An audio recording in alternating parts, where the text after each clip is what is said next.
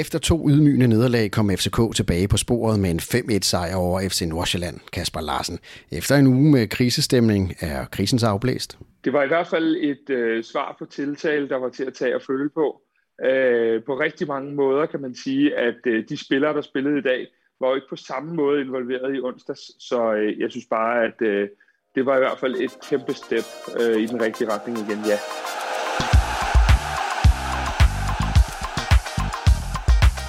Du lytter til Kvartibolt, en podcast om hele byens hold for alle, der elsker FCK.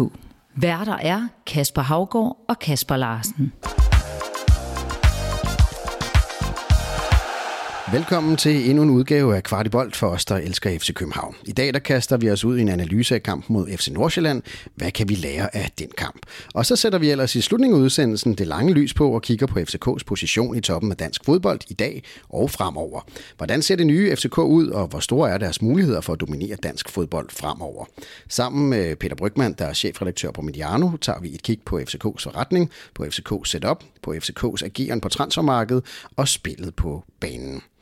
Men øh, vi starter i kampen mod Nordsjælland, øh, og med til at analysere i dag, der har vi som sædvanlig Kasper Larsen, og så har vi øh, ven, god ven af, af Kvartibold-teamet her, øh, Mikkel Larsen, øh, FCK-fan, øh, og, og god til at analysere spillet. Velkommen til jer to.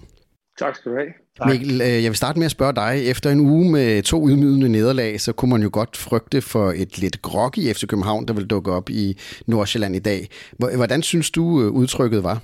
jeg synes, at det langt hen ad vejen øh, så rigtig, øh, rigtig godt ud.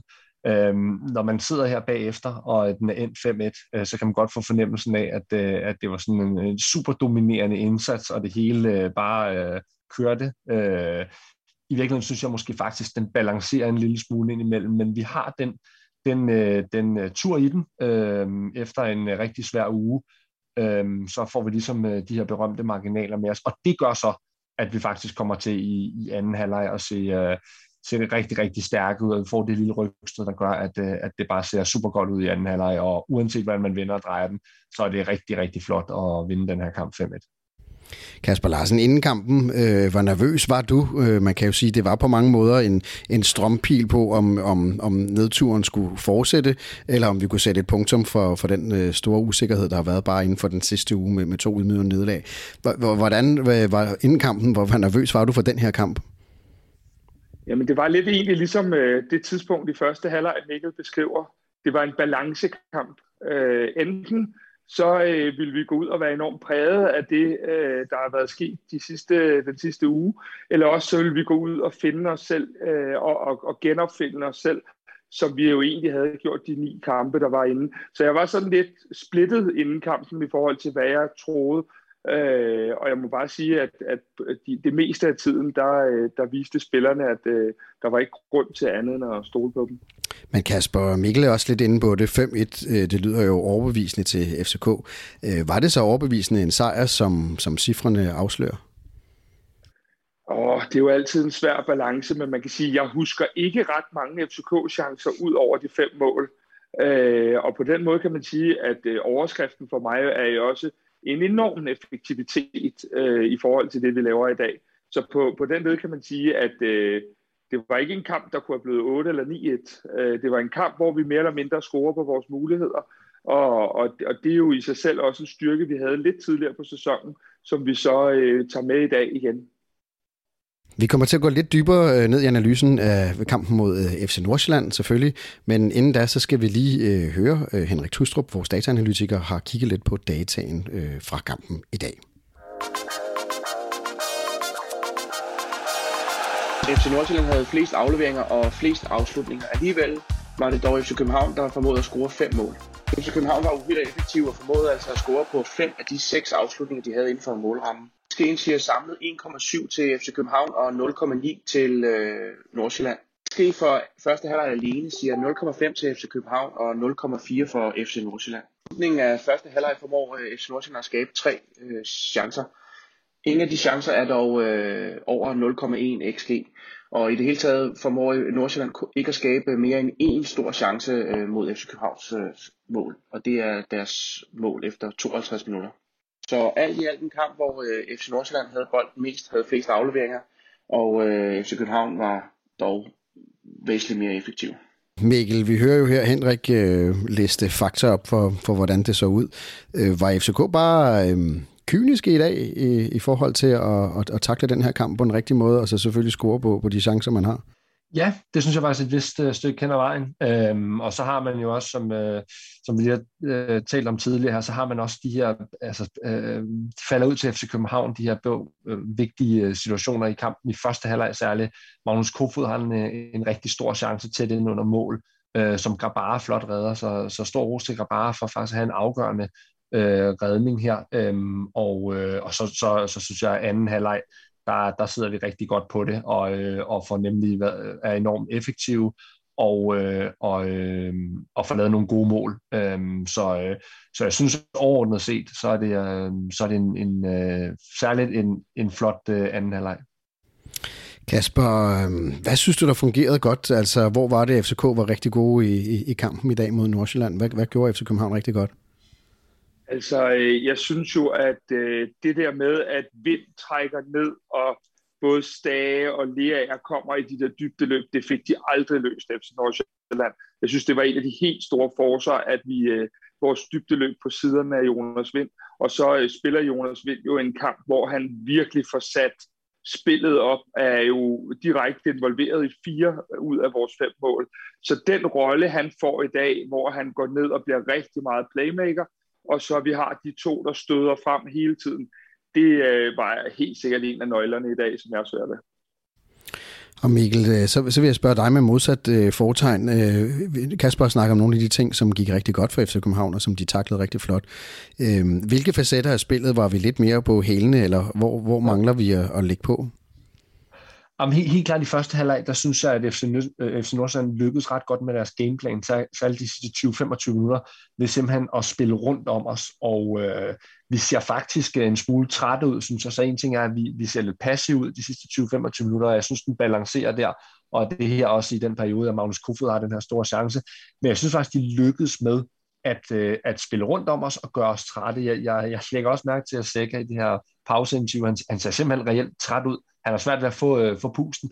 Øhm, så det var det, jeg var bekymret for i anden halvleg, at hvis de kunne blive ved med på den måde at spille rundt om os og gøre os trætte, øhm, så vil vi få problemer. Og i den periode i første halvleg, der synes jeg, vi, vi ikke evner at holde fast i bolden i øh, lange øh, nok perioder. Vi smider den simpelthen øh, for hurtigt øh, væk, øh, og, øh, og vi er lidt for og, og, hvad hedder det, fokuseret på at få eksekveret enormt hurtigt. Jeg synes jeg godt, vi kunne have haft nogle perioder, hvor vi hvilede lidt mere på bolden i første halvleg.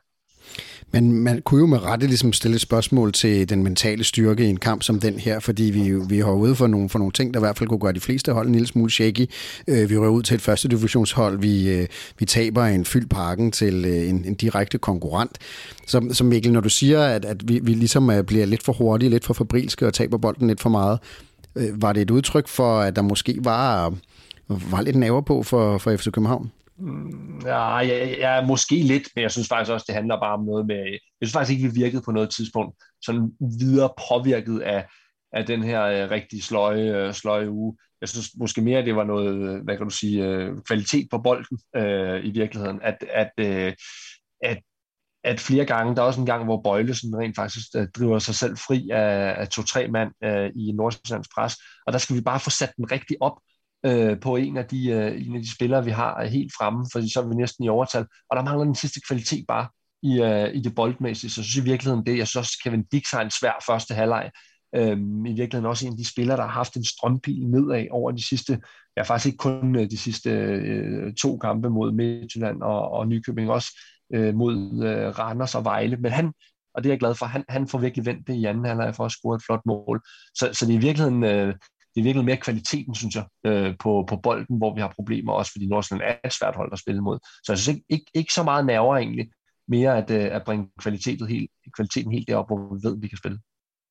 Altså, det er jo en af de ting, øh, vi har talt meget om, øh, hvor vital Rasmus Falk er for det del af spillet med at hvile på bolden. For vi har jo to øh, rigtig, rigtig dygtige spillere i Sækker og Lea, der begge spiller en fantastisk kamp i dag.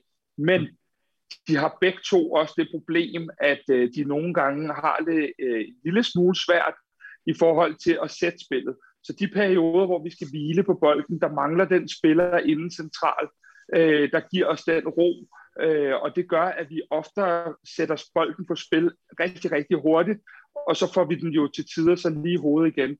Så på den måde kan man sige, at øh, det er jo der, hvor vi mangler den ro på kuglen, som, som Mikkel også siger, Bøjle kan give, men han giver den et, et led længere tilbage, og det gør, at vi øh, på midtbanen i til tider kan have det lidt svært i første halvleg, rent boldmæssigt. Mikkel, jeg spurgte jo Kasper i indledningen, om øh, krisestemningen var afblæst i FC København. Der er jo ingen tvivl om, at en sejr var ekstremt vigtigt i dag, for at vi ikke skulle sidde med en, en fuldblåen krise. Øhm, hvordan ser du på det, at, at den, øh, nu, nu siger jeg krisestemning, eller den nervøsitet, eller den usikkerhed, som man som fan kan have på, på Jes Torups hold, som jo, vi jo har set spille fremragende her i løbet af efteråret, og så lige pludselig, så falder det hele mere eller mindre øh, fra hinanden på i løbet af fire dage. At den, de krisetegn der, er de afblæst efter sådan en kamp som den her?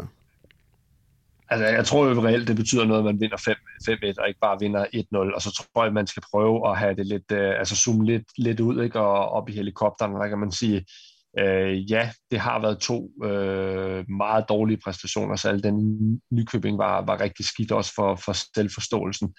Øh, men forud for det ligger jo en lang periode af rigtig, rigtig gode kampe, så det skulle jo være mærkeligt, hvis man ikke kunne finde tilbage til noget af det, og det, det, det, det, det synes jeg virkelig, man, øh, man fandt tilbage til. Og der, der har det jo også en symbolsk betydning, at man kan vinde 5-1 på en udebane, som man notorisk har haft svært ved, i hvert fald øh, i, uh, over en længere overrække. Um, øhm, så, så, det, så det, synes jeg, det synes jeg, der er rigtig meget, der, der tyder på, at vi er, vi er, vi er tilbage på sporet. Man, man kan omvendt også sige, at det er jo lidt en rollercoaster, en rutsjebane, øh, det her. Ikke? Altså, det, kan, det, kan, det kan altså gå stærkt, og det tror jeg, at vi alle sammen er blevet mindet om, at det, selvom man har en lang, god øh, periode, så tager det, det tager kortere tid at bryde den ned, end det tager at bygge den op igen.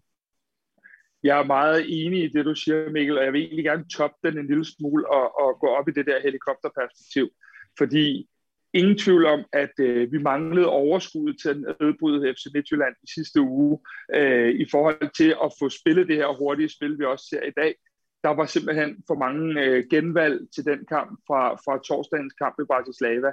Så isoleret set er Midtjylland-kampen jo en 0-0-kamp, som vi ikke kan være tilfredse med, og som betyder endnu mere, fordi kulissen var, som den var. At vi så spiller en fuldstændig vanvittig katastrofekamp imod Nykøbing, øh, det, det er utvivlsomt, øh, og det er slet ikke til at diskutere. Men vi skal også prøve at isolere tingene en lille smule, og så se på det store perspektiv. Og der kan man sige, at Midtjylland-kampen er en 100% sikkert en 0-0-kamp, hvor vi mangler mm. overskud oven på en europa, europæisk kamp, og oven på en periode, hvor vi ikke har skiftet nok i vores startformation eventuelt. Men Kasper, den her Nordsjælland-kamp, det, det var selvfølgelig en eller anden øh, styrkeprøve i, i, i forhold til, hvordan er stemningen omkring øh, klubben. Var det bare en kamp, der skulle overstås, eller ser du øh, ting i den her kamp, som også peger positivt videre fremad? Jamen det gør jeg da. Jeg ser, jeg ser det allervigtigste, det er, at jeg ser den mentale robusthed, som vi jo alle sammen sad nok og havde lidt ondt i maven over, inden vi ser kampen i dag. Og det tror jeg for mig er det aller, aller vigtigste. Og så ser jeg en ting, og det er en, nok for mange en rigtig ubetydelig ting, men for mig er det ikke. Jeg ser et indhop af Singh, øh, hvor han lige har lige den der dribletur, der gør, at man kan se, hvad det er, han kan, og hvad det er, han kommer med, og hvad han kan bidrage med. Og det er jo noget af det, vi i nogle kampe har, har manglet. Jeg går ikke og fortaler for, at han skal tales op i præstation, eller han skal starte inden hver gang endnu, men jeg kunne rigtig, rigtig godt lide det, jeg så i forhold til, at vi jo har manglet de der dåseåbnere, så jeg synes, at han måske i hvert fald efter landskampspausen kan, kan give vores hold den flære, vi måske har manglet i nogle kampe. Og det gjorde mig faktisk også lidt tryg i forhold til, til de sidste halvanden måned. Og så synes jeg, hvis jeg må tilføje til det, Kasper, også, der, der er en ting, øh, der er bemærkelsesværdigt i forhold til de, øh, de andre øh, dyk, som der har været i, øh, under den nye sportslige, øh, sportslige ledelse, og det er, at, at Thor har haft en tendens til, når der har været noget, der øh, ligesom resultaterne er, er gået ned ad bakke, så har man forsøgt at ryste posen lidt og prøve noget nyt. Det vi ser i dag er jo i virkeligheden, at han holder fast i præcis de samme 11, og at det lykkes. Så der synes jeg faktisk også, at man er kommet et, et, et, et stykke længere nu ved at holde fast i de samme 11. Det er præcis de samme 11, det er præcis den samme måde at spille på, og så vinder man 5-1 i Nordsjælland. Så man har ikke, det har ikke været så i går så en galt, at man har, haft, man, har haft, øh, man har været nødt til at ryste posen helt og prøve noget helt andet. Og det ser jeg egentlig som en, en, en god ting. Så hvis vi siger, at øh, nu har Torup ligesom fundet sin, øh, sin, sin favoritstartposition, i hvert fald de, de startelver, han, han starter med, øh, som måske lige havde lidt en off-day, eller ikke helt havde øh, det, det fornødne til at, at slå Midtjylland hjemme, og så skifter man otte mand mod Nykøbing, og det kan ligesom øh, tilskrives den, så er, vi, så, så er Torup ligesom tilbage med, med, med det, som han, den formel, som han i hvert fald har, har kørt med her i efteråret, Kasper. Ja, vi, vi må ikke tale det ned, Øh, vi må heller ikke tale det op, men vi må heller ikke tale ned de to kampe, der er spillet. Øh, øh om vi skifter 8, så må det ikke ske, det der sker nede i Nykøbing. Og det må heller ikke, øh, vi, vi, vi skulle også have, have leveret en mere øh, øh, tørstig indsats offensiv øh, sidste søndag. Så vi skal heller ikke tale de to kampe ned, men de, de, det der er det gode er, at det virker til, at de har lært noget af det, og at, som Mikkel siger, man har nogle spillere, man stoler på, man igen har sat til at spille kampen i dag de ting betyder rigtig, rigtig meget. Men så lad os prøve at starte, øh, snakke lidt om den øh, startelver, som nu i hvert fald øh, er opskriften på sikker succes, hvis øh, en 5-1-sejr er succes i FCK-terminologi. Øh, øhm, en af dem, der jo starter, øh, har startet fast i et stykke tid, det er jo vores gode ven Bøving, øh, som fik endnu en startplads. Mikkel, øh, hvordan vurderer du hans øh, udvikling øh, set over, over et efterår, hvor han, hvor han har spillet en, en del kampe? Jeg, jeg, jeg synes, at, øh, at han er rigtig spændende. Øhm, og han var jo en af dem, der vil være oplagt, det kan du sige. Jeg er fuldstændig enig, Kasper. Øh, det skal ikke snakkes ned, øh, specielt ikke den, øh, den, øh, den blamage imod øh, Nykøbing. Han var jo en af dem, der kunne være oplagt til at sige, okay, øh, nu ved jeg godt, at han ikke startede ind dernede, men at nu prøver vi noget nyt, øh, eller vi, vi, øh, vi forsøger at blande øh, kortene lidt anderledes øh, offensivt, også i forhold til, til det, man så mod Midtjylland. Men der synes jeg jo bare, at han viser i dag, at han er spændende, og jeg synes i virkeligheden meget det, vi har snakket om også her i podcasten, at der mangler fart, og der mangler drible øh, egenskaber. Jeg synes jo faktisk, at han er en spiller, der godt kan drible. Det synes jeg, han viser flere gange. Øh, han, han har farten, og han har øh, dribleegenskaberne, og han har indimellem også visionerne, så, så det er lige så meget for ham et spørgsmål om at få øh, så mange kampe under bæltet som muligt, fordi jeg synes jeg faktisk, han har noget af det, øh, vi efterspørger. Så, så, så mangler han så en lille smule fysisk, det synes jeg også, man ser ind imellem i dag. Altså mangler sådan øh, lidt, lidt power øh, eller råstyrke, øh, men det kommer forhåbentlig øh, hvad hedder det, på sigt. Men altså for eksempel det, det, øh, den assist, han laver til 1-0-målet til Jens Dage, det synes jeg er, og det er jo en anden ting, at han er en intelligent spiller, det er rigtig intelligent lavet. Altså der er mange andre spillere, der vil have sparket hårdt på mål der, eller lavet et eller andet andet, men det er hammerende intelligent, den assist, han får på, øh, på 1-0-målet. Det vil jeg gerne knytte en kommentar til, fordi jeg, jeg står jo som bekendt ofte og ser dem ud på træningsbanen. Og øh, det mål, vi laver til, til 1-0, det er som taget ud af en træningsøvelse ude på tieren. Øh, og i min bog, og den måde, jeg anskuer fodbold på, der, der kan et mål nærmest ikke laves flotter.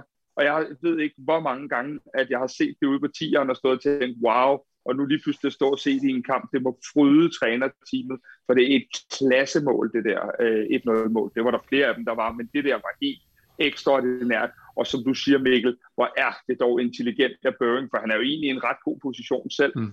øh, men, men simpelthen ser bare, at han kan lægge den over til Stage, der så igen, igen, igen, igen scorer et mål. Altså, jeg tror ikke, der er nogen af os, der tvivler om, at det her, det, det er virkelig et, et flot mål. Altså, ikke ekstremt seværdigt. Men Mikkel, er det, mm, er det resultatet af Jes Torup som, som træner? Øh, altså, sådan et mål her havde vi vel ikke øh, nødvendigvis set under Ståle?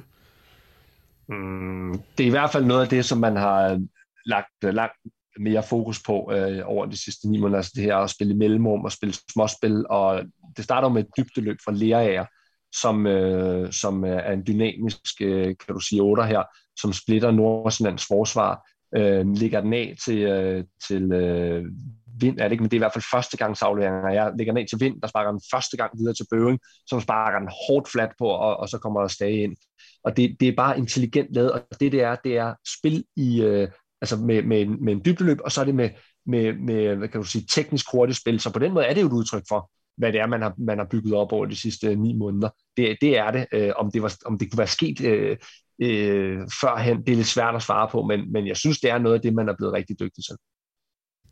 Altså, så var det jo en Jens Dage, der satte sidste fod på det øh, ekstremt flotte opspil. Øh, lad os prøve at snakke lidt om, om, om, om Stage, øh, Kasper Larsen, og hans betydning for FCK, fordi øh, i transfervinduet sidste vinter øh, købte man ind på en måde, så man tænkte, du ved, øh, har Stage overhovedet sin plads på det her hold? Har han en rolle at spille?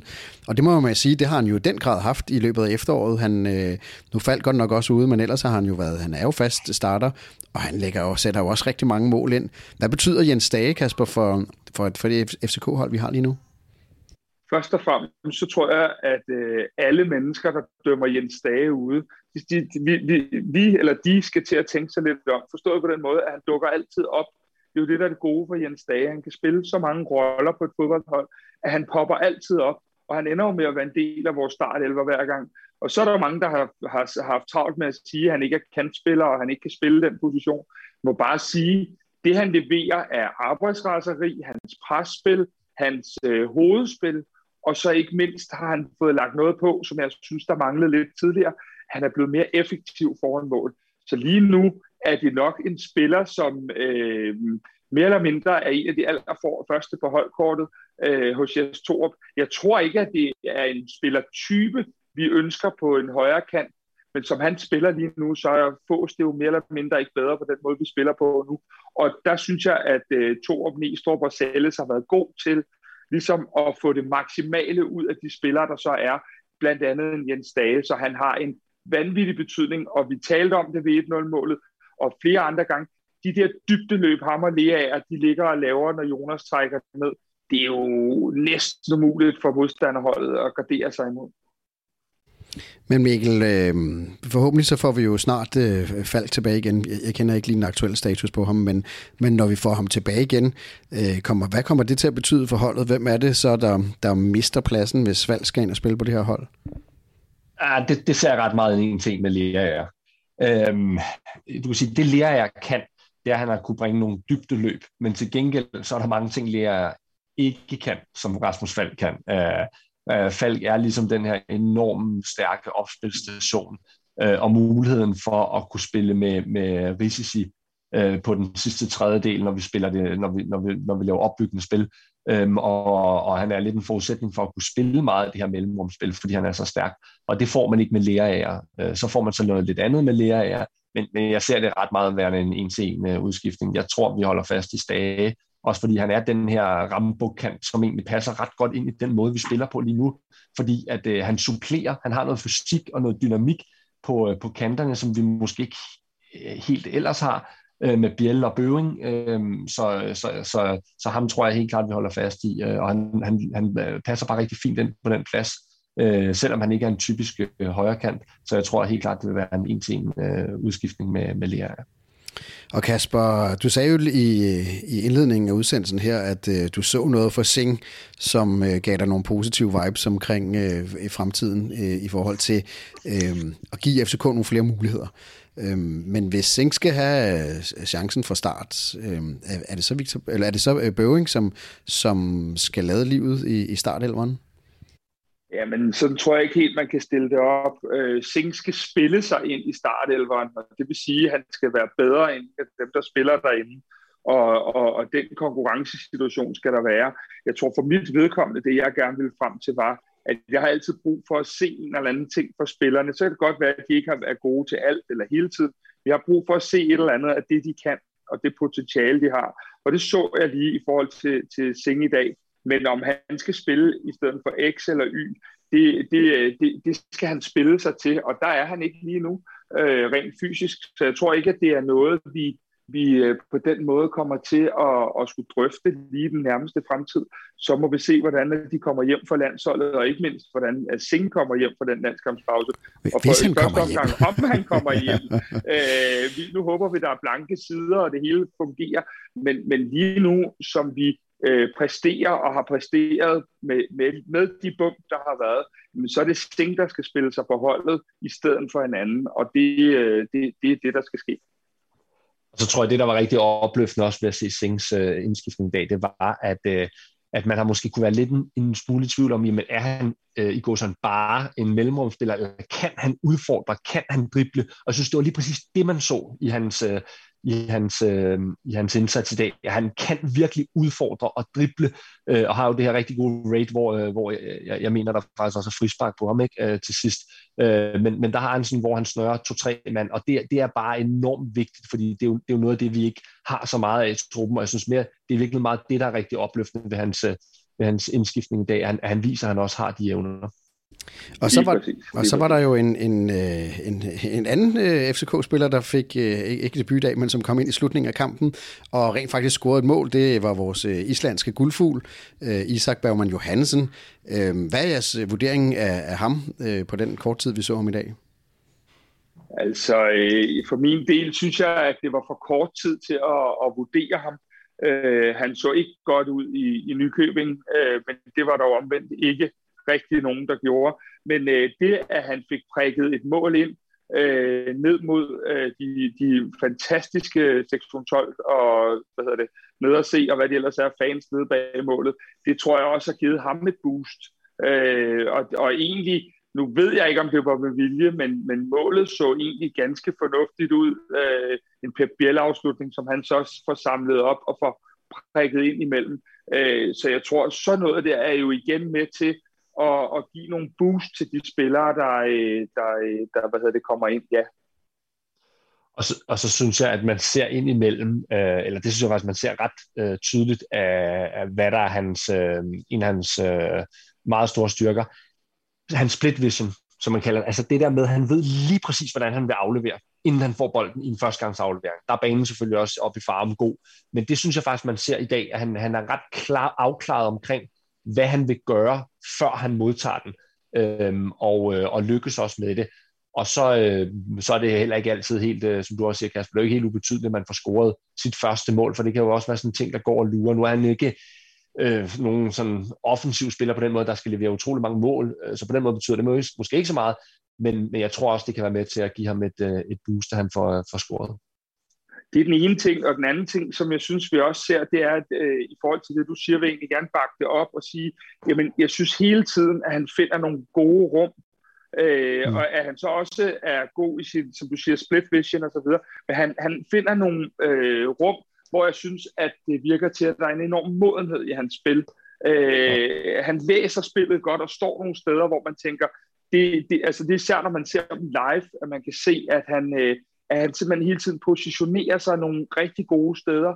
Og jeg tror, at når vi lærer ham bedre at kende som hold, og, og, og medspillerne lærer ham bedre at kende, så får vi en spiller, der vil stå nogle steder og kunne lægge nogle øh, assist og, og, og gøre os endnu farligere, måske også som tredje sidste fod på nogle mål. Noget af det, jeg ved, Henrik for øvrigt arbejder rigtig meget med at kigge på. Øh, nogle spillere, der også er involveret, som man ikke lige ser fra start af. Jamen, jeg tror, det var vores øh, kig på kampen af, af Nordsjælland, med mindre at der er nogen af jer, der sidder og brænder ind med nogle øh, kæmpe store pointer. Det gør du, jeg, har en enkelt, ja. jeg har en enkelt pointe, jeg, jeg brænder ind med, og det er, at øh, i onsdags får vi en 18-årig spiller flået ud efter 25 minutter. Øh, hvad hedder det? Og dagen efter står han og skal udtale sig til pressen. I dag kommer han ind øh, og, og øh, sætter sig fysisk igennem og har taget det her som en mand, og jeg tror, at når ugen er gået, så kommer Rasmus Højlund styrket ud af det her, for det var også et godt indhop. I det hele taget var det nogle rigtig gode indhop, jeg tror at få sendt ind i dag, der glider ind i spillet, og det tror jeg er vigtigt for nogle af de spillere, der måske ikke helt præsterede i onsdags, at de fik øh, mærket, at de stadig var med. Så, så øh, en tommelfinger op til os til indskiftningerne i dag. Det var godt. Vi øh, afslutter øh, analysen af det, der i hvert fald endte øh, rigtig dejligt som FC København-fan. Rigtig beroligende. En 5-1 sejr øh, op på en, en, en bane, som ikke altid er lige let for, for os. Og så kigger vi ellers bare en lille smule frem. Vi skal nok komme med en kvart i optakt til kampen mod Viborg i næste weekend. Men øh, allerede på torsdag er FC København i sving igen, og det er de mod Lincoln Red. Øh, Kasper, du har jo hele tiden haft på fornemmelsen, at det her det skulle være en kamp, hvor vi skulle spare en masse spillere øh, og få lidt, få lidt ro på. Hvordan, tror du, hvordan ser du på, på den situation nu efter blamagen øh, på Falster? Jeg ser, at øh, det kommer de ikke til at gøre. Altså, de kommer ikke til at ture og skifte så mange. Jeg håber, at kampen i dag har givet ham modet til at skifte på en 3-4 pladser, hvor det kunne være tiltrængt. Øh, fordi det, det, det synes jeg, vi har brug for, hvis vi skal levere mod Viborg i næste øh, runde. Øh, bedre er Lincoln jo naturligvis ikke. Men det bliver ikke, som jeg havde tænkt for nogle uger siden, at vi havde skiftet en 8-9 mand, og, og som jeg for sjov sagde, stille vores U19-hold, fordi at, øh, det, det var øretæven i midtugen for stor til. Så desværre bliver der ikke meget skiftet, men jeg har stadig et håb om, at, at vi kunne skifte en to-tre spillere, og, og, øh, og så stadig kunne køre den meget sikkert hjem. Og Mikkel, uden at jeg har dig mistænkt for at være en øh, kæmpe kender af Lincoln Reds, så er det her vel bare en, øh, en kamp, der, der forhåbentlig skal overstås øh, med, en, med en sikker sejr på hjemmebane mod et, et hold, der formentlig ikke har så meget at byde på. Ja, det satser vi på. Uh, man fik en super god start. Uh, det skal man virkelig heller ikke underkende. Uh, man fik en super god start på den her pulje ved at vinde mod Bratislava. Um, så det, det, det bør jo være en formsag um, uh, at slå, uh, slå hvad hedder det, øh, Lincoln her. Øhm, men jeg tror også, som Kasper siger, at, øh, at man tager ingen chancer. Um, også øh, så har belært af, af blamagen i Nykøbing. Og så tror jeg så også, at altså, der er nogle spillere, man måske kan bringe spil. Lad os sige en Sing, en Højlund. Jeg tror ikke, man, jeg, jeg, jeg ved ikke, om man bringer dem i, i spil fra start, men der er nok nogen, jeg er ikke sikker på, at det bliver de samme 11 som, som i dag. Det kunne det godt, men jeg er ikke sikker. Uh, men jeg tror, der er nogle spillere til gengæld, der er det uh, led længere ude, eller man bare nævne en som, øh, som Pierre Bengtsson, der fik spilletid. Det, det, jeg tror simpelthen ikke, han får mere spilletid. Øh, så der er nogle spillere, hvor det, hvor det har haft en betydning, øh, den, øh, den, øh, den indsats i, øh, i Nykøbing. Øh, så, så jeg tror, at der, ja, der kan komme ændringer, øh, men, øh, men det bliver slet ikke i det omfang, man så mod Nykøbing. Ugens Delaney, sponsoreret af Vitamin Well. Og så skal vi til ugens Delaney, hvor vi en gang om ugen giver en lille smule anerkendelse til nogen, som vi synes øh, har brug for, eller behov for, eller øh, har fortjent en anerkendelse, og som ikke nødvendigvis øh, får det. Og Kasper Larsen, hvad, hvad er det, vi går med i den her uge? Vi går med en bruger inde på vores Facebook-side, som, øh, som har sagt eller skrevet et, et åbent brev til Kvartibolt øh, inde på Facebook, som sagt. Øh, og hovedoverskriften i det brev er, om vi ikke kan reducere nogle af de tilråb, der, øh, der foregår på tribunerne. Jeg er med på, som andre også skriver, at øh, fodbold skal være et fristed, og, og fodbold skal være et sted, hvor vi godt må lidt mere, end vi plejer. Men, men, øh, men øh, luder, bøsse og, og andre øh, ting i den kategori, øh, det ved jeg ikke, om er nødvendigt for at have en fed eftermiddag. Super fint, at vi hater lidt på modstanderne, og super fint, at vi, øh, at vi, vi øh, kører en lidt rå tone til tider, men vi lever også i 2021 nu, og øh, på en eller anden måde kan man sige, der kunne også være nogle facetter på tribunen, og det gælder ikke FC København det her, det gælder jo øh, helt generelt for Superligaen og, og europæiske kampe og så videre, at vi, har, øh, vi også måske selv har lidt justits omkring, hvad der egentlig bliver råbt, at vi, vi på den måde øh, godt kan, kan have det skide sjovt og samtidig også øh, håne vores modstandere, men måske lidt tænke over overvalget til tider, både FC København og andre klubber, men vi taler jo som udgangspunkt for omkring FC København. Nikolaj Skov, øh, kæmpe shout-out øh, til dig for at rejse den her debat om, hvordan øh, fodboldkulturen egentlig er i 2021. Samfundet udvikler sig, og det skal, hvad hedder det, debatkulturen og fodboldkulturen selvfølgelig også øh, rundt omkring. Så tusind tak for dit, øh, dit, dit indlæg, og tusind tak for den kæmpe debat, der også har været i vores Facebook-gruppe omkring det her. Øhm, og hvis man er interesseret i en konstruktiv debat om, hvad der foregår i FC København, så vil jeg da anbefale alle, der lytter til det her, til at melde sig ind i vores Facebook-gruppe. Man finder den ved at søge efter Kvartibold i Facebook, eller man kan følge det link, som ligger i shownoterne, og så er man øh, med i, i, i det forum og i, i den sammenhæng, hvor vi snakker FC København. Ugens Delaney, sponsoreret af Vitamin Well. Vi skal jo snakke meget mere øh, FC København her, Kasper, og det skal vi jo gøre sammen med Peter Brygman, som øh, er chefredaktør på Mediano, og som vi var ude og besøge i Mediano-studierne ude i Vandløse i, i onsdags. Og øh, vi, vi optog jo lige efter... Øh, Nyborg, eller hvad hedder Nykøbing-kampen, øh, hvor vi alle sammen var lidt skuffede, og vi optog jo inden, inden kampen her øh, mod Nordsjælland. Så, så det bærer samtalen selvfølgelig også lidt præg af, at vi ikke rigtig ved, om, om pilen peger op eller ned for, for FC København. Men øh, hvad, hvad synes du egentlig om, at vi var ligesom ude for ligesom at få det blik udefra af en kender igennem, af dansk fodbold igennem rigtig, rigtig, rigtig mange år, øh, Peter Brygman? Jeg synes, at øh, det var enormt spændende. Øh, jeg synes, at øh, det var dejligt at få en, der følger Superligaen, FC København og de andre klubber så tæt, øh, og som har fingeren så meget nede i kagedåsen, at øh, det var enormt fedt at få hans take på det her øh, på mange måder.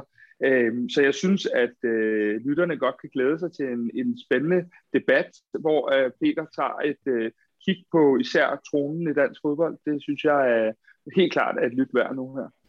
Man kan i hvert fald sige, at øh, vi tager lige brillerne op og kigger og lidt for den aktuelle øh, hvad hedder det, status, og kigger med et lidt længere lys på at sige, øh, hvor er FC København henne, når man kigger på det sådan, øh, lidt op fra helikopteren, og hvad er det for nogle muligheder, FC København har for at drive sig selv videre, og det gælder både øh, spillet på banen, men det gælder også lige så meget det rundt om banen, hvordan øh, agerer ejerne, øh, hvordan øh, driver man forretningen, hvordan driver man udviklingen af fodbold, så det passer til, til et moderne udtryk. Så øh, lad os høre, hvordan det lød, da vi øh, lagde øh, vejen forbi Mediano-studierne i, øh, i, i sidste uge.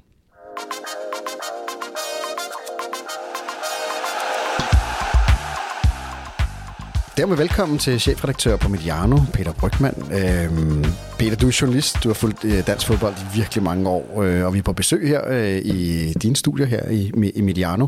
Mediano, det er jo en rigtig bred vifte af fodbold, eller øh, af podcast primært om, om fodbold. Øh, hvordan går det egentlig for Mediano?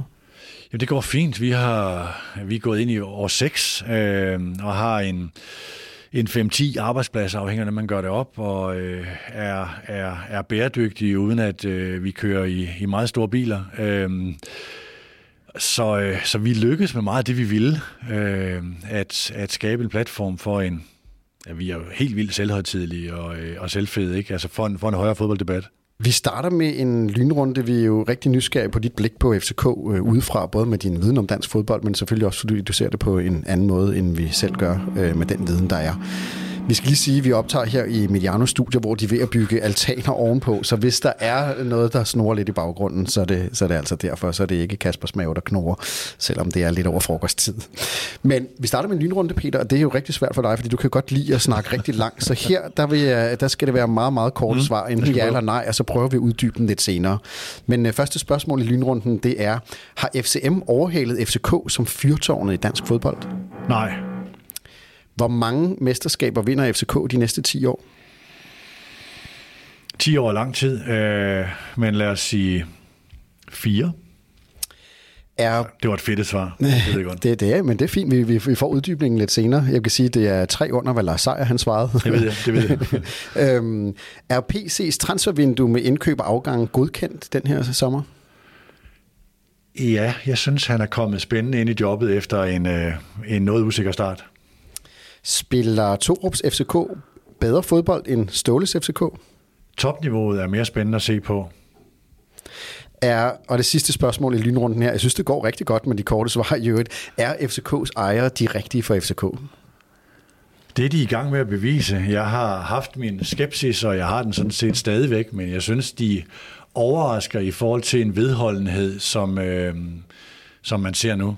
Det var lynrunden. Øh, der er, jeg tror, der er rigtig meget grobund for en god snak her om FCK. Du svarer jo, at FCM ikke har overhalet øh, FCK som øh, fyrtårn i dansk fodbold. Det havde jeg egentlig ikke troet, du vil, du vil svare. Øh, hvorfor svarer du sådan? Jeg vil sige, de udfordrer jo stadigvæk, og de er strategisk set mere spændende at følge.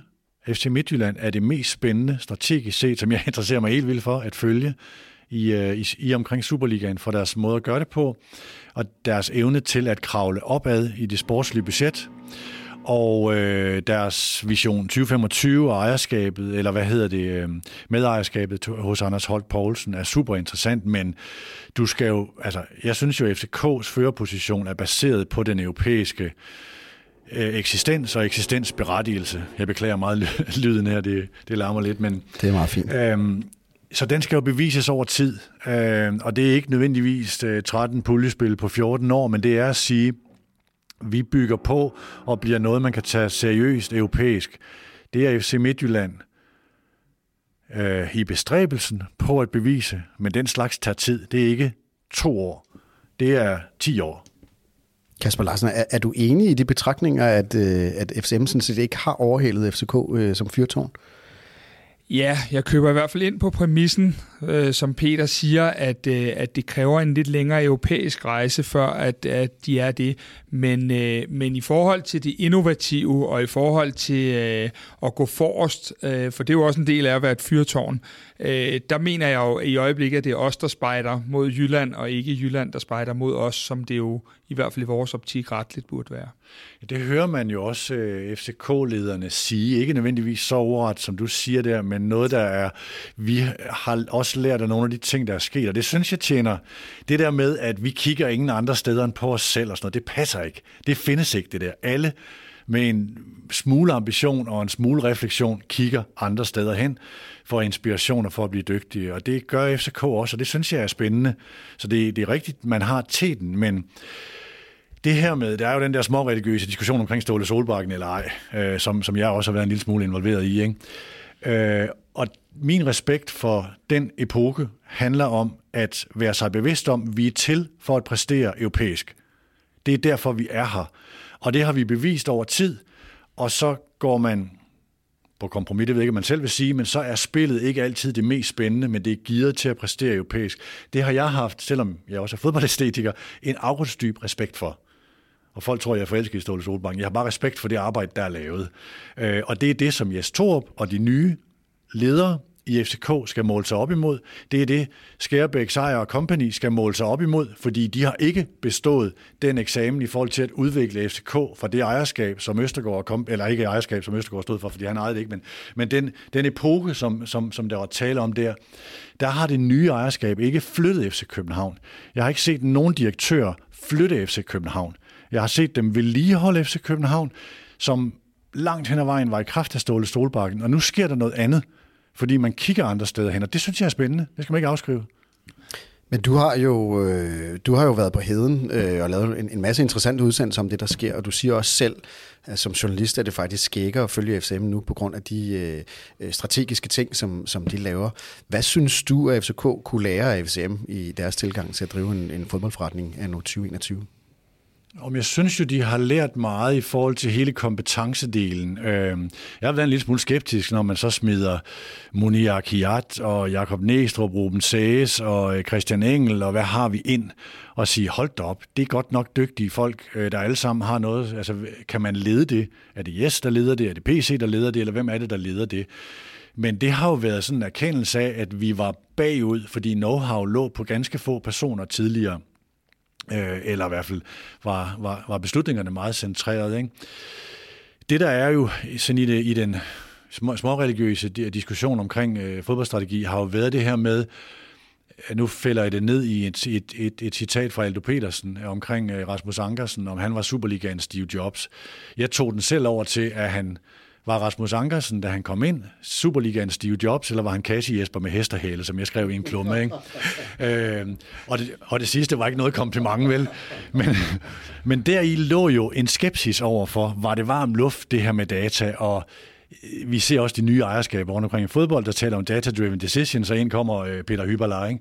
Øhm, så, så, så, så, så den, den der gamle sure mand, jeg er, så har jeg en vis skepsis over for de der ting. Men Midtjylland har bevist så mange ting med eller Benham og Ankersen har bevist så mange ting med Brentford og med Midtjylland, at der er andre måder at gøre det på. Så de har flyttet vores opfattelse af fodboldstrategi på, på, på to forskellige modeller som er enormt inspirerende. Nu er de selvfølgelig også succesrige, men det er ikke, succes er ikke kun en enkelt sæson med medgang. Det er også noget, der sker over tid. Men det er vel også det, vi prøver lidt inde i FC København at adoptere lige nu, ved netop at sætte det stærke hold, du siger, i forhold til at anerkende også, hvor vigtig data er, både når vi sælger sæsonkort, men også når vi, øh, når vi skal scoute fodboldspillere. Så vi er vel øh, nødtvunget måske, men i hvert fald begyndt at kigge de veje.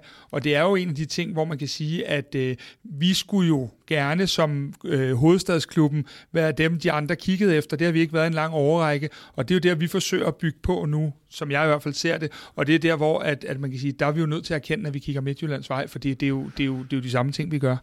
Altså, det er jo altid godt at fælde ned i nogle, nogle af de der øh, one-liners øh, i forhold til øh, Rasmus Ankersen, der siger, transfer af vores LaLandia. Kom FCK så til et sted, hvor LaLandia ikke var vores LaLandia, øh, men noget andet. Øh, hele den investering, som har stået på også før øh, Ståle Solbakken blev afskedet i forhold til at investere i 15-16-årige skandinaviske spillere og så skabe værdiforøgelsen, som jo faktisk er en Brentford-model et, et stykke hen ad vejen at sige, vi, vi behøver ikke kun udvikle spillere, vi kan også skabe værdiforøgelsen ved at finde de her spillere, om det så er ved data eller ved andre ting. Øh, og det er jo det, som øh, nu blander jeg min gode marker Dan Hammer ind i det i forhold til det her med, har man en præstationsklub, som det gamle FCK var. Vi er en sælgende klub, og vi lader kontrakterne løbe ud, og vi skal tjene pengene europæisk. Eller er man en udviklende klub, hvor Nordsjælland er den klareste model på? Eh, jeg ved godt, at Nordsjælland siger, at det er ikke fordi, vi ikke behøver at præstere, vi vil gerne præstere, men de er en udviklende klub. Ikke? Øh, det Midtjylland så har gjort, har jo været betegnet som, og det siger de også selv, at det er at blæse og have mel i munden på samme tid. Øh, er det det, FC København gør nu? At man udvikler spillere, sælger spillere også, før de kommer på førsteholdet, og man giver dem spilleminutter, hvilket er det modsatte af at være præstationsklub, men det er der, værdifølelsen sker, spilleminutter på førsteholdet. Den er, den er enormt interessant. Den siger, det kan du ikke gøre ret længe. Du kan, ikke, du kan godt blæse og have mel i munden i en kort periode, men du kan ikke gøre det ret længe. Jeg har ikke nogen faste antagelser om det. Jeg synes, det er enormt interessant at følge. Ja, jeg tænker i hvert fald, når du siger de ting, så tror jeg først måske, at vi øh, nærmer os svaret næste sommer.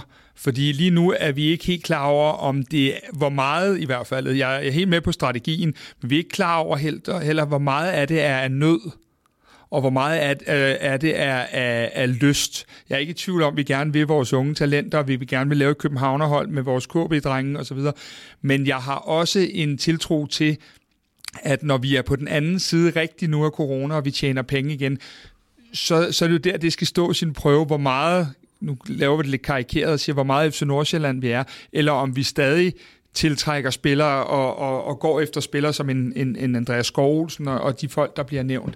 Det får vi nok først at se næste sommer, tænker jeg, når det er, at der igen har været et normal indtjeningsår. Jeg synes, der er to spændende cases. Øh, øh, Andreas Schjelderup i øh, FC Nordsjælland, Jan Laversen var her i det her studie, vi står i nu, og fortælle om, hvordan hans far havde lavet en proces, hvor FC København jo også var inde, eller mange var inde, fordi han var rigtig attraktiv. Han valgte så FC Nordsjælland ud fra den her analyse af spilleminutter. Hvor mange spilleminutter får spillerne der? Jeg tør ikke sige, om øh, Isak øh, Bergman Johannessens øh, bagland, har, eller han selv har lavet den samme analyse, men er der sket noget i mellemtiden i forhold til, at nu giver FC København spilleminutter? Der er jo et klart element af employer branding, vil jeg kalde det med det der trælse øh, nutidige ord, øh, i forhold til at være attraktive. Fordi både spillere og agenter og deres forældre kigger også efter, hvor kan den her spiller blive udviklet. Og de her spillere er jo, som mange andre er, små industrier, øh, som kigger på, hvor, øh, hvor skal det her være hen. Så det, derfor er det sådan set klogt, hvis FC København gør det her som en bevidst ting. Jeg ved ikke, hvor meget det her der er bevidst. Øh, at sige, at vi er nødt til at gøre os attraktive, så vi kan tiltrække de her spillere, fordi de kigger på det der, og de ser, jamen, hvis Kamaldin bliver solgt for 150 millioner, og han får en god karriere, og Kudus sådan og sådan, det kan godt være, at de kommer fra, øh, fra, øh, fra Ghana og så videre, men det er jo sådan set det samme game, man er inde i. Øh, og det skal FC København jo klæde sig på til, og jeg synes, det ser interessant ud. Men lad os prøve at tale om den retning, som FCK har lagt øh, siden Ståle blev fyret. Så du har selv været inde på noget af det. Mm. Er man, hvilken form for klub er man? Øh, hvad hedder det? Er man en udviklingsklub, eller er man ikke en udviklende klub? Hvordan er man innovationsmæssig? Hvilke kompetencer har man? Men den retning, kan du lure, hvad det er for en retning, FC København har, har sat? Altså fordi, som jeg hører dig, så er du lidt i tvivl om, hvad det FCK er nu 2021 i virkeligheden er. Hvis jeg skal sådan... Øh, øh, hvad, hvad er det, jeg leder efter? Øhm, det er ikke glansbillede eller noget som helst. Jeg vil godt introducere ordet læringskurve i forhold til den måde, som øh, lederne i FC København er trådt ind i tiden efter Ståle Solbakken. så er de næsten alle sammen trådt ind, trådt ind som gedigende klodsmajorer, øh, med nogle ting, hvor man tænker, hvad fanden foregår der her? Og så er de ved at komme ud som noget, der ser dygtige ud. nu tager jeg dem lige en efter en. William Quist, det siger sig selv, hvordan både det der pressemøde, hvor de efter Rijeka ikke anede, hvad der var op og ned, og vi skal back on track og sådan noget, var jo en joke i forhold til det, der sker nu. Hvis man havde den plan dengang, hvorfor sagde man så ikke det? Og så var afskeden med Ståle Solbakken i virkeligheden bare en lille, en lille brik i den værktøjskasse. Øh, det er formentlig, fordi det ikke var planen. Fordi hvorfor fanden sagde man det så ikke? Kaffekoppen alt det der taler for sig selv, og det har ikke været... William kender jeg jo godt som en imponerende dygtig kommunikator. Det har han bare ikke været på det her niveau. Øh, så er der Bo Rygaards kommunikation, og øh, den lader vi ligge. Det har jeg fået nok tæsk for at sige grimme ord om, og sådan noget, ikke? men det var heller ikke imponerende. Så kommer, øh, ja, så kommer øh, øh Lars Bo var ind undervejs og øh, flygte ud af butikken, fordi der var corona, og det var svært. Jeg har aldrig set mage til tøsdreng i forhold til altså, en ledelsesmæssig forløb. Øh, og, og var ikke særlig imponerende før. Det var Anders Hørshold, som, øh, som ved Gud heller ikke imponerede mig i forhold til at flytte FC København. Øh, og ind kommer så nu her Allan Agerskov, som så sidder han i Paul, Paul Massens podcast på Podimo som panel og siger noget om præst, der har parteret sin kone og sådan noget, ikke? og siger, hvad fanden, altså, hvor, hvorfor sidder han der? Øh, og kommer ind og siger nogle ting, hvor man tænker, hvad, hvad er det her for noget? Og alt, hvad jeg kender til ham i hotelverdenen over for regeringen og så videre, de, øh, altså diverse, værste, eller diverse sådan, øh, magtfolk, er han jo vanvittigt dygtig. Så jeg tænkte, da han blev annonceret, at sige, det er fandme spændende set. Og ind træder manden med nogle ting, hvor man tænker, det, det var ikke særlig elegant. Øh, Jes Torup, den taktiske start, hvor man tænker, det er fuldstændig øh, Bambi på, øh, på glat is, og så noget virkelig spændende fodbold. Er det yes? Vi har fået kritik for, at vi ikke har givet yes nok anerkendelse, fordi vi også har talt om, hvad er Ruben Sages, og hvad er Jakob Næstrup og så videre, når de spiller spændende fodbold. Ikke? Øh, og går jo fra virkelig, virkelig spændende ting til de der også kommunikationsmæssige katastrofer med radar og så videre. Ikke? Øh, og PC, der træder ind og siger op i Randers, de tager den sidste kamp, inderligt ligegyldige møgkamp, ikke? og siger, nu skal der andre typer til, og øh, sheriffen er kommet til byen, og nej, hvor skal der møjes ud? Og jeg tænker, hold da kæft, der kommer en scout ind her, som nu vil puste sig op, og, øh, og jeg tænker, det går helt galt. Hvorefter manden træder ind og gør spændende ting. Så de alle sammen trådt klodset ind i butikken, og jeg har siddet og tænkt, hvad filen foregår der her? Hvorefter der sker spændende ting. Så der er nogen, så, så, så spørgsmålet er, nogen, er, tror, tror du, at det er det tilfældigheder, eller, eller er der en masterplan? Jamen, jeg, jeg ved jo ikke, hvem gør hvad. Og er der en person, er der flere personer, der er rigtig dygtige her? For mig at se, så sker der spændende ting for FC København. Og nogen ved, hvad de gør. Øh, så alle de her, alle de her øh, kritiske ting, jeg siger om dem, siger jeg jo samtidig med, at jeg anerkender en masse. Og derimellem ligger jo en læringskurve. Hvem, der har været på hvilken læringskurve, det aner jeg ikke. Men jeg, jeg synes, det er sådan øh, fra en skepsis øh, at sige, hold da op, hvad sker der her? Til noget, som, som øh, kalder på en... Øh, nu optager vi sådan, må vi sige det? Ja, vi, vi må heller klargøre det. Vi optager dagen efter et, øh, et lidt pinligt uh, pokalexit, uh, og den her podcast bliver først sendt ud efter, at FCK har mødt uh, Nordsjælland ja. på, på søndag. Så man kan sige, på søndag, når man lytter til den her podcast, så kan man sige, så er der enten en rendyrket krise, uh, eller hvis FCK nu vinder mod Nordsjælland, og det ved dem, der lytter til det nu, uh, så kan det være, at den ligesom er afblæst igen. Så lad os hellere ja. lige få den præmis klar, ja.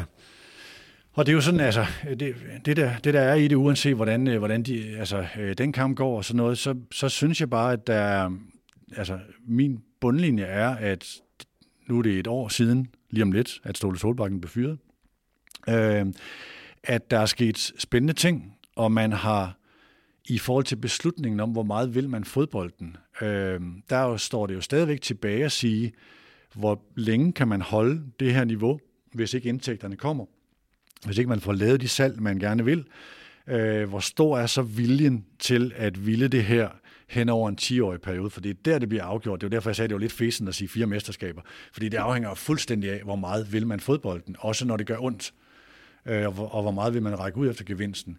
Jeg synes, det er spændende, at man har opretholdt øh, den her muskel i forhold til at lægge arm med Midtjylland, og, og lægge arm med Europa, fordi man ved jo også godt, hvis man skal op efter de spændende puljespil, så skal du kravle op mod 200 millioner, du skal måske endda kravle op mod 250 eller 300 millioner i sportsligt budget, ikke?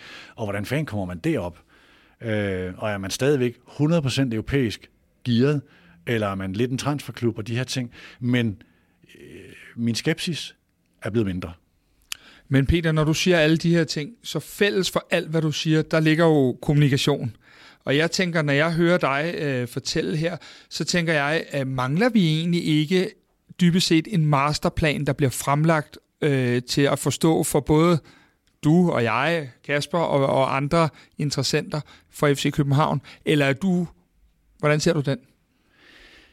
Jo, men altså, øh, der er jo FC København jo på det sådan øh, overførende niveau en øh, middelsvær katastrofe i sammenligning med Midtjylland. Altså når du, Benham taler ikke, han gør nogle ting, Ankersen taler, det er han dygtig til, øh, de andre taler også, det er de også dygtige til, men det der pressemøde med Vision 2025, som jeg var over til i, øh, på, på MTH Arena i Herning, ikke? sat over for det pressemøde og de ting, der var efter Ståle Solbakke. Hvis det her havde været planen, hvorfor sagde man så ikke det? Altså, øh, der er, enten har man ikke haft den plan, hvis man har haft planen, så er det jo en renlivet kommunikationsmæssig katastrofe. Øhm, og det tror jeg ikke, det er. Øhm, fordi det er, altså Yes Company er dygtige folk, og øh, William ved godt, hvad der, hvordan mekanismerne er. Øh, når man lige tager kaffekoppen væk, så ved han jo godt, hvordan tingene hænger sammen. Kender pressen om nogen, ikke? Så, øh, så, så yes, men altså den der, til, til spørgsmålet, den der person, der på en eller anden måde er ordførende, strategisk set, og det, kan, det vil jeg nok sige, at selvom Steinlein også er dygtig til det, så er det Rasmus Ankersen, der er den strategisk ordførende omkring Midtjylland. Det er Carsten V. Jensen, der er det omkring Brøndby. Er det PC i København?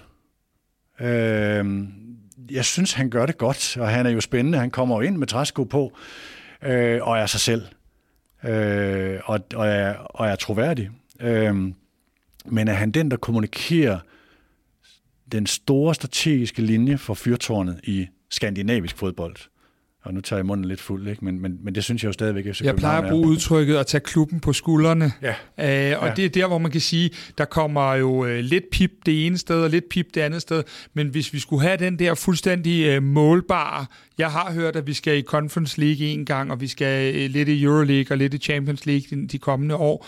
Men jeg tænker sådan en helt klokkeklar, der måske også er understøttet af en økonomisk plan, øh, den, den savner jeg i hvert fald som FCK'er, øh, og jeg tænker, den er i hvert fald Øh, enten er jeg lidt tungere end, end de fleste at danse med, men, men jeg har i hvert fald ikke forstået den øh, helt konkret, og så tænker jeg, at der muligvis også kan være andre, der ikke har forstået den, øh, for den er ikke så tydelig, og det er måske den tydelighed, jeg tænker, øh, jeg efterspørger i hvert fald. Altså, jeg ved jo slet ikke, hvad, hvad, hvad planerne er, men hvis man skulle sige, hvad et mål kunne være, øh, så siger man i 2025 skal vi være så attraktive, så vi kan tiltrække Peter Møller og Kasper Julemand som henholdsvis sportsdirektør og manager, øh, og til at gøre FC København til der, hvor Midtjylland drømmer om at være. Sådan ville jeg tænke, hvis jeg var FC København. Ikke? Øh, og det er ikke fordi, det er Peter og Kasper, der, der er løsningen på alt, men det er sådan nogen, der formår de her ting, vi taler om her, som formår at se det, som formår at eksekvere det, og som formår at kommunikere det. Nu har du et par gange øh, sagt, at du egentlig synes, at øh, PC gør nogle spændende ting. Øh, vi spurgte dig jo også i lynrunden, om hans, øh, hans handel her i det første vindue, han har, har været godkendt. Øh, og der sagde du, at det var spændende. Hvor i synes du, det, det spændende består i det, du, du, vi har set fra PC so far?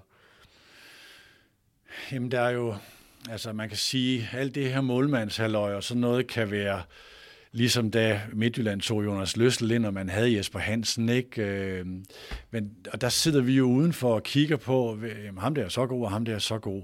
Der er nogle ting, som vi ikke ved i forhold til kultur, og hvad, hvad, hvad gør de ved hinanden, og hvem er gode for, øh, for kulturen, og hvordan analyserer man de her ting. Og jeg ved ikke om, hvem der ligesom er, er øresnegl på de her ting. Men ja, det, er, det, det tror jeg er, er PC selv, som vi ligesom fornemmer det.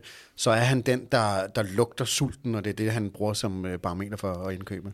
Altså jeg hører i hvert fald, at øh, da der var fokus på AGF's øh, sådan øh, lidt hårde start i Superligaen, at sige, at der er sådan en forskel fra, hvad PC gjorde i AGF, og de andre gjorde i AGF, med at kunne se dem i truppen, hvis nu der var, altså i AGF var der de her øh, spillere, der fik nej til at komme med til OL, eller så Zach Duncan og så videre, ikke? og så var de pludselig uden for truppen, og øh, der, var, øh, der bliver, som jeg hørte, PC beskrevet som den mand, der ser det der, før alle andre, og, øh, og går hen og ligesom rummer også nummer 12 til 20 i truppen, og kan nogle ting, som, øh, som, som, er, som er umådeligt vigtige. Så jeg er sikker på, at han er dygtig til de her ting. Øh, men jeg synes den der med at, at sige, at vi skal oppe vores game. Jeg er 58, jeg burde ikke sige den slags ord, vel, men vi, skal, vi skal oppe vores game ved at tage, vi har Peter Ankersen, men vi tager Kevin Dix ind. Man har kunne se, hvad det betyder. Og det er jo rigtig, rigtig spændende, udover at han er mere værdifuld. Øh, så ved de også, hvad han kan kulturelt, det ved jeg jo ikke, vel, men, men øh, øh, samtidig med at kunne skabe en grobund for, at der er også noget med at lede opad i forhold til at sige, at vi skal blive ved med at investere i det her, øh, og hvad er vores målsætninger og så videre. Det, det kan man jo først måles på over den her fem, måske endda 10-årige periode. Ikke? Øh, altså det her med at sige, at vi investerer, hvad enten det er 37 millioner eller hvad det er, i en spiller, som nu skal vi ikke lige bedømme på Nykøbing-kampen og sådan noget, det var ikke fordi, det var ham, der faldt igennem, men det er alt, alt, alt for tidligt til at vurdere det, men som køber det er jo enormt spændende, ikke? Og også lidt øhm, nybrud. Det, det, det har vi jo ikke set før i dansk fodbold på den måde. Nej, og så, altså, øh, altså jeg hørte selv i, jeg tror det var, var det hos jer, øh, nej, der var den her med, da var kom ind, og I havde den her georgiske journalist og sådan noget i, øh, i kvartiboldformatet, og, øh, men altså, i kølvandet på det hører jeg PC sige, Jamen, der er jo også scoutet på ham før min tid, og det kan være sådan en, en gardering, man sætter op, hvis nu han falder igennem, så er det ikke kun mit ansvar, ikke? men det er også at skubbe en, skubbe en ære tilbage, fordi de der forløb er ofte lange, øh, når, man, når man kigger sådan nogle ting. Men samlet set er der bare gjort nogle ting, som igen med forbehold for Nykøbing og Nordsjælland, men altså det vi har set, altså har, har set spændende ud. Man kan i hvert fald sige, at han har, han har walked the talk ja. i forhold til, at han har, øh, han har luet ud Ja. Også der, hvor det har gjort ondt i fanfavoritter og i øh, store navne, og bragt øh, spillere ind, som nu brugte du selv, øh, hvad hedder det, Grabara, Dix og Kuchulava og, og nogle islændinge her. Der er i hvert fald også kommet nogen ind, hvor man kan se, at det han siger, er også det, han har udført. Øh, og så langt kan jeg i hvert fald godt lide det. Og en ting, jeg også godt kan lide, øh, som jeg i hvert fald var en lille smule kritisk omkring FCK i de sidste år under Ståle, det var, at når vi ikke fik nummer 1 og 2 på listen af de kandspillere, så vælger vi ikke at gå ned og tage og ende ud i nummer 8. Den kan jeg egentlig også godt lide. Nu kan vi jo godt stå og fejre Pep Biel som Superliga-topscorer lige nu, men der har ved Gud også været langt undervej, lang tid undervejs, og der kan man sige, der, der, der synes jeg før i tiden, at vi havde en tendens til, at vi bare skulle have lukket hullet. Og det kan godt være, at jeg øh, må æde min ord om 10 kampe, hvis vi er 9 point efter Midtjylland. Men jeg kan faktisk godt lide, at man, at man er tro mod det, man gerne vil stå for, så der ikke kommer en ind i truppen, der måske mere var der af navnet end af gavn. Ja. Og jeg synes egentlig også kommunikationsmæssigt, nu var der en episode her med Andreas Bjelland, der havde sagt nogle ting, og så ved jeg ikke, om det var i, øh, i Købmændenes Klub på Discovery, jo, at øh, jeg så PC citeret for, øh, for de her ting med, at han sådan han tager den rimelig head on og kommunikere sådan, som han ser det, og hvad skete der i de der dage og sådan noget. Ikke? Det er sådan set en, som jeg kender, som jeg kender øh, PC, øh, en, det, det de i England kalder en honest footballer, ikke? altså at, at, at du kommunikerer, som du ser verden. Lige på, ikke? Det kan godt lide. Lad os prøve at hoppe ned til spillet på banen. Øh, vi spurgte dig jo, om Torps fodbold var, var et bedre fodboldspil end, end, end Ståles øh, FCK. Og du sagde, at topniveauet havde på nogle måder øh, udviklet sig. Ja. Altså det er jo... Øh det er jo, når man, når man nu er det, vi har heldigvis eksperter til den slags, så jeg, jeg, jeg udtaler mig sådan lidt mere overfladisk æstetisk, altså med, at, med at se på det som, øh, som øh, stadiontilskuer og øh, tv-seere. Ikke? Altså det er mere spændende, det er hurtigere fodbold, øh, man jeg synes også, Rasmus Falk var rigtig dygtig i, i nogle af de, altså nogle af ståle, eller, eller mange af ståleperioderne, og der var også gode Per Bielkampe øh, i, i ståleperioden. Hans afskedskamp blandt ja. andet. Ja. Så der var nogle bevægelser, Ståle Solbakken var på vej til at gøre det til et mere spillende fodboldhold, øh, som jeg synes, man har fundet øh, i noget af det her, som gør det attraktivt i forhold til øh, hurtigheden, den spiller på, det høje pres, når man lykkes med det. Øh, og en, en, altså, hvor man faktisk i, på topniveauet er i stand til at skille et hold ad ved at spille hurtigt. Øh, hvor Ståles største hold skilte hold ad ved at presse dem og smadre dem til atomer, ikke? mere end ved at spille teknisk hurtigt. Ikke? Øh, fordi det var et europæisk, det var hele deres ryggrad var europæisk, øh, og det var relationerne. Øh, relationerne i forhold til en defensiv organisation, og også kunne slå en fodboldkamp ihjel, hvilket jeg synes er en edel dyd, selvom det ikke altid er sjovt for tilskuere, men jeg har set mange kampe med Danmark, hvor jeg ønsker, de kunne have slået en kamp ihjel, når de førte 1-0, ikke? eller 2-0. Øhm, så jeg synes, det er øh, med den der indskudte sætning, der var klart nogle ting i gang i Ståles periode, er det blevet på et, øh, på et, på et niveau, hvor, hvor, topniveauet er rigtig spændende at se på.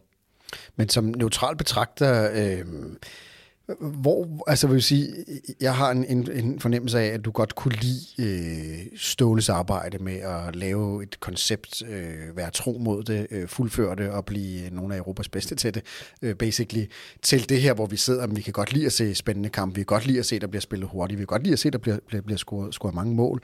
Hvor ligger din sådan respekt eller fascination øh, på, den, på den skala der? Hvor, hvor, hvor, hvor bliver du mest øh, beruset? Um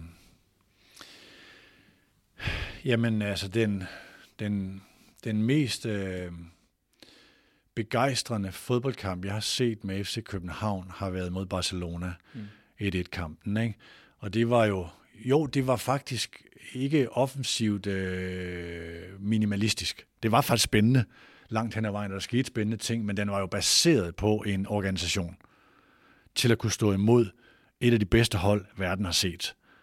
Øh, det, det begejstrede mig. Lige så meget som bryggekampen begejstrede mig, i forhold til at sige, nu har vi lige set, øh, vi har lige set Brygge for nylig i en ret spændende kamp, ikke? Øh, og det er jo ikke selvfølgelig, selvfølgelig det samme hold, men, men, men, men når FC København smadrer dem i parken på en, på en European Night, ikke? Øh, det var begejstrende, men jeg synes niveaumæssigt er det Barcelona-kampen, som både rummede, altså den, den, den har prioritet et organisation, prioritet 2 spil fodbold, og de formåede begge prioriteter. Øh, så jeg tror, øh, altså, var det Guardiola, der var, der var træner på det tidspunkt. Jeg tror, han var imponeret af det her lille snollede danske hold, der faktisk spillede. De, de skulle da meget spændende, de der. Vi husker jo Guardiolas øh, efterkampen, hvor at Guardiola kommer ned i FCK's omklædningsrum og siger, at øh, vi, har, vi har muligvis mødt bedre hold end jer, men mine spillere sidder derinde og er fuldstændig pumpet for kræfter. De kan ikke øh, næsten gå ud til bussen, der kører dem til lufthavnen, og det var jo et kæmpe kompliment at få. Ja. Det er bare et anderledes kompliment, end om vi havde spillet dem ud af brættet med små ja. short pass og så videre. Ikke? Ja. Men så lad mig prøve at spørge på en anden måde. Kan du så se, øh, der er noget i Torups måde at skabe en, en, en, en kultur og en strategi for, hvordan FCK skal spille fodbold, der kan bære derhen til nogle af de store ting, som, som du nævner, øh, som jo er nogle af højdepunkterne som FCK-fan i, i den tid, øh, klubben har levet? Altså, jeg, jeg synes, det er, det, jeg synes faktisk, det er en, det er jo ikke en foræring, det er et forkert ord, men det er, en, det, er en, det, er en, det er en god ting for FC København, at man spiller Conference League nu, i forhold til at være på en, igen, læringskurve her for det nye FCK. Øh, forhåbentlig med nogle succeser. Jeg tror, de kan komme spændende steder hen i den her turnering. Øh, og, og indkassere en masse læring øh, undervejs med det. Øh, jeg synes, den der diskussion omkring småklubsmentalitet, jeg forstår den godt, og hele det der med radar og sådan noget, det, altså Jes er jo ikke, Jes er en, er en, er en, er en velreflekteret fyr, han er bestemt ikke dum, øh, måske en lille smule klodset i, øh, i, øh, i nogle af de der ting. Øh, men der ligger jo, nedenunder alt det der, måler vi os mod Brygge og Salzburg, eller måler vi os mod Midtjylland og Brøndby? Øh, jeg mener jo, at FC København til enhver tid skal måle sig mod Brygge og Salzburg. Og jeg kan godt lide, når Claus Steinlein fortæller mig, at de har en liga, hvor de har placeret Midtjylland som nummer chok over for en række europæiske hold, blandt andet Ajax og Porto. Ikke? Øh, det, det synes jeg jo er, hvad er så mindre værd i det her? Altså, det handler om at blive og nu kommer der en verdens værste kliché i sådan managementsprog, den bedste udgave af dig selv. Det er at være tæske, hammerne ambitiøs. Være glubende fanden i voldsk. Jeg skal have med vise jer, hvad, altså, hvad vi kan. Ikke? Øh, er det mindre værd? Eller er det agerighed? Altså PC får jo sagt i den der købmændenes klub, købmændenes klub, som du lige refererer til, der får PC jo sagt, at vi var glade for, at vi ikke solgte Mo til Brygge, for dem vil vi jo egentlig godt måle os imod, ja, ja. selvom at de har et budget, der er langt større end vores. Øh, så, så de har i hvert fald gjort sig nogle tanker omkring det. Øh, så kan man jo så vente om at sige, ja, det er jo også fint nok at sige, når de har lige solgt til Ajax i stedet for.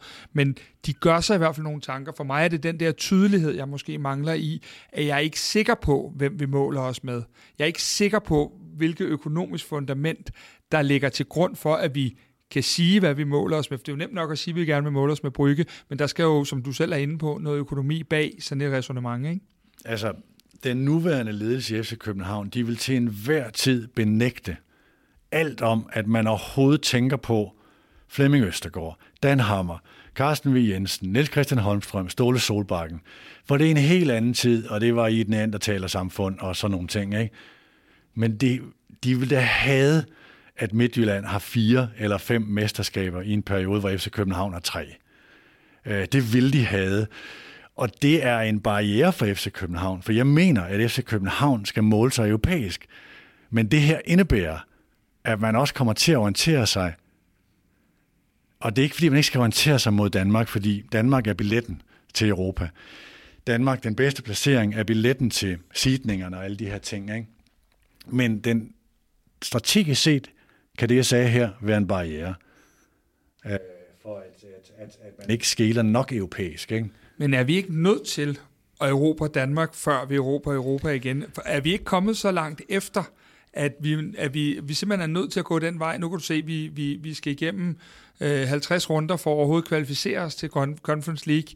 Det kunne godt have været gået galt, ja, det skal ja. man ikke tage, tage fejl af. Så, så hvis vi skal, øh, så skal vi jo øh, op og klare den nationalt, fordi det er så også der, det åbner op for de lidt mere spændende. Ja. Jeg hørte PC sige, at der var to eller tre af de kantspillere, han gerne ville have, der ikke gad at spille Conference League de vil spille Euroleague eller Champions League. Så jeg tænker, hvis vi skal derhen igen, så, så er det jo egentlig primært Danmark, vi skal vinde tilbage først. Og vinde tilbage er nok ikke nok at lave et mesterskab til sommer eventuelt.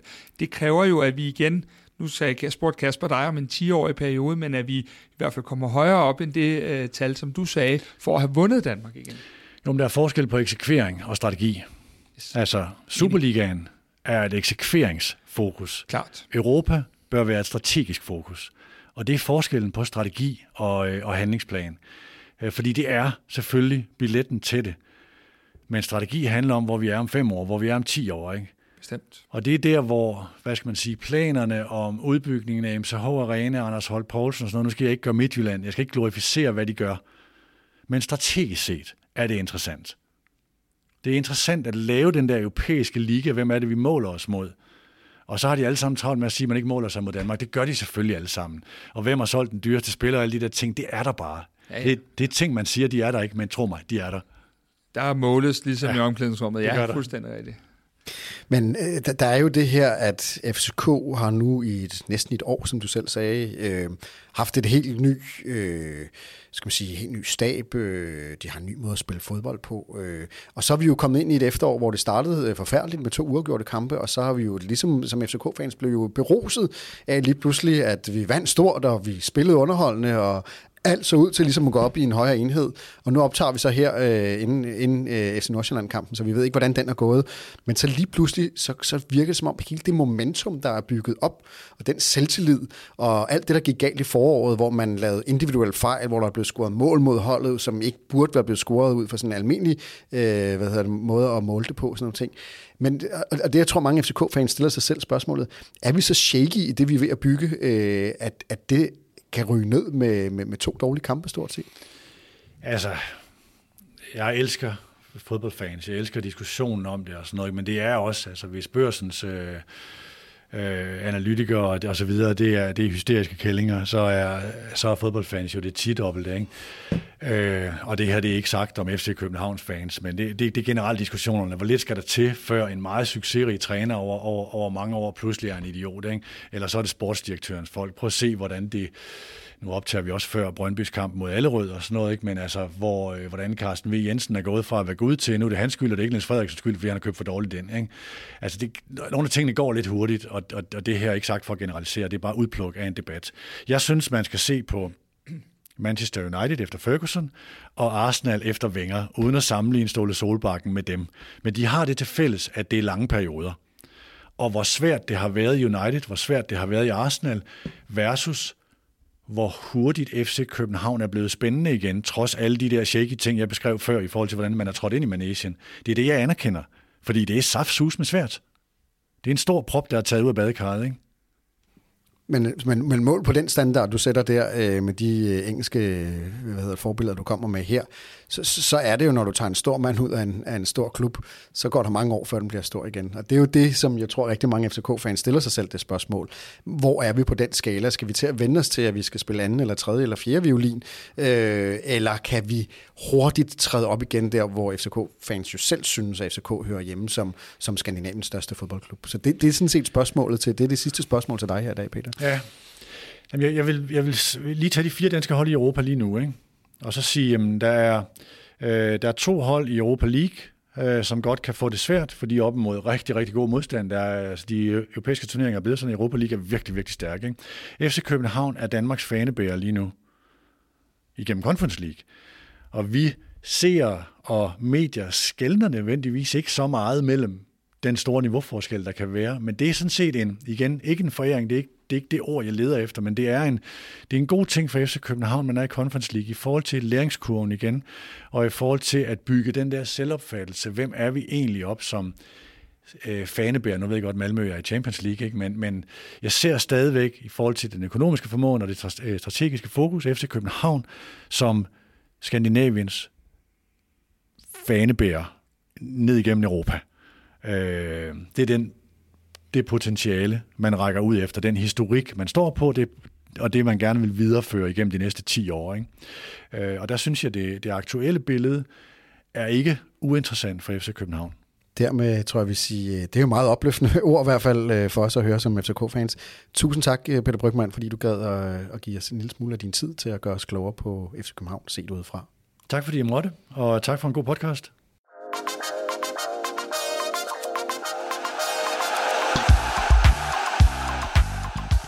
Det her var endnu en udgave af FCK-podcasten Kvart i bold. Eftersom du har lyttet med helt til nu, så har det forhåbentlig været tiden værd. I så fald vil vi sætte pris på, hvis du vil give os en god anmeldelse i Apple Podcast, eller hvor du end måtte lytte til den her podcast. Hvis du er ny lytter af podcasten, så skal du huske at abonnere på os i din podcast-app, så du aldrig går glip af nye afsnit. Vi er også meget interesserede i at vide, hvad du synes om podcasten, og hvad vi kan gøre for at lave en endnu bedre podcast. Der ligger et link i shownoterne til et spørgeskema. Det tager kun et par minutter at udfylde, og det betyder alverden for os. Der ligger også et link til vores Facebook-gruppe, hvor vi forsøger at skabe en nuanceret og værdifuld debat om FCK. Og så er der også et link til vores nyhedsbrev, hvor vi samler op på interessante historier og perspektiver om FCK. Det er blandt andet her, at vores dataanalytiker Henrik Tystrup skriver meget detaljerede analyser af FCK's spil og FCK's spillere.